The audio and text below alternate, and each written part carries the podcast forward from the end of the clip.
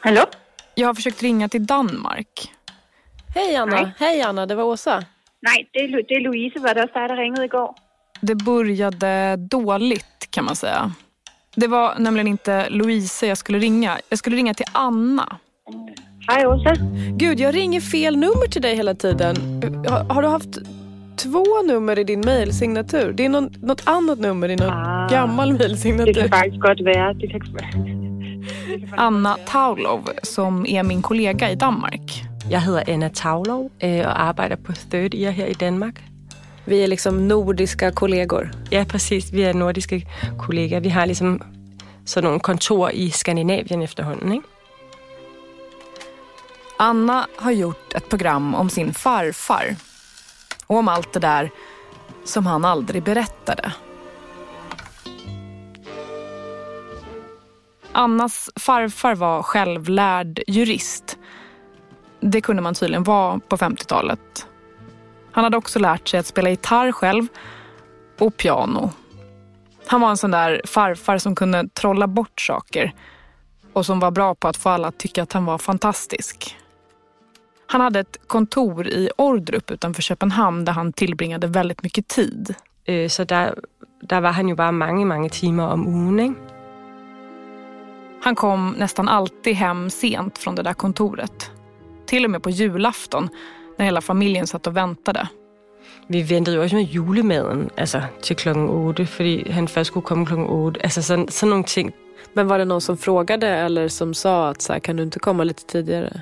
Jamen, det er jo det, der er så mærkeligt, at det var der bare ikke. Det vidste vi bare, at det kunne han ikke, og det, altså, det var der ikke nogen diskussion om. Anna har en väska full med kassettband. Det är kassettband som hennes farfar har spelat in saker på. Musik, sig själv, familjen. Hon har lyssnat igenom dem allihop. Ett efter ett. Och letat efter någon slags bekännelse. Eller ånger. Eller bara en förklaring. Jag tror, jag hade sådan behov för att det var en, en eller anden form for øhm, bekendelse, eller du ved, et, et eller andet, at han læste et brev op, eller at der var en eller anden anger. Hon hoppades att det skulle finnas en förklaring på de där banden. En förklaring till allt det som kom fram efter att hennes farfar dog.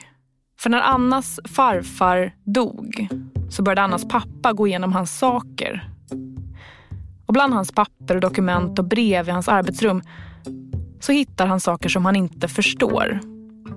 Som kvitton på banköverföringar. Han finder blandt andet sådan nogle bankoverførsler.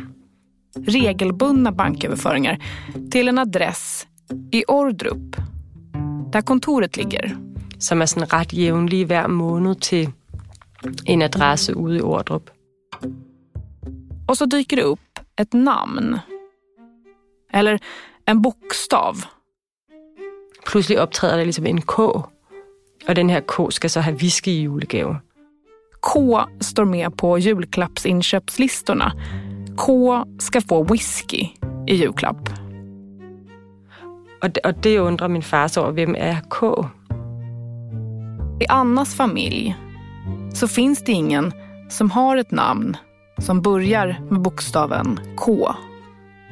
Vi kender ikke nogen K, og der er ikke, der er ikke nogen, der hedder K øh, i vores familie.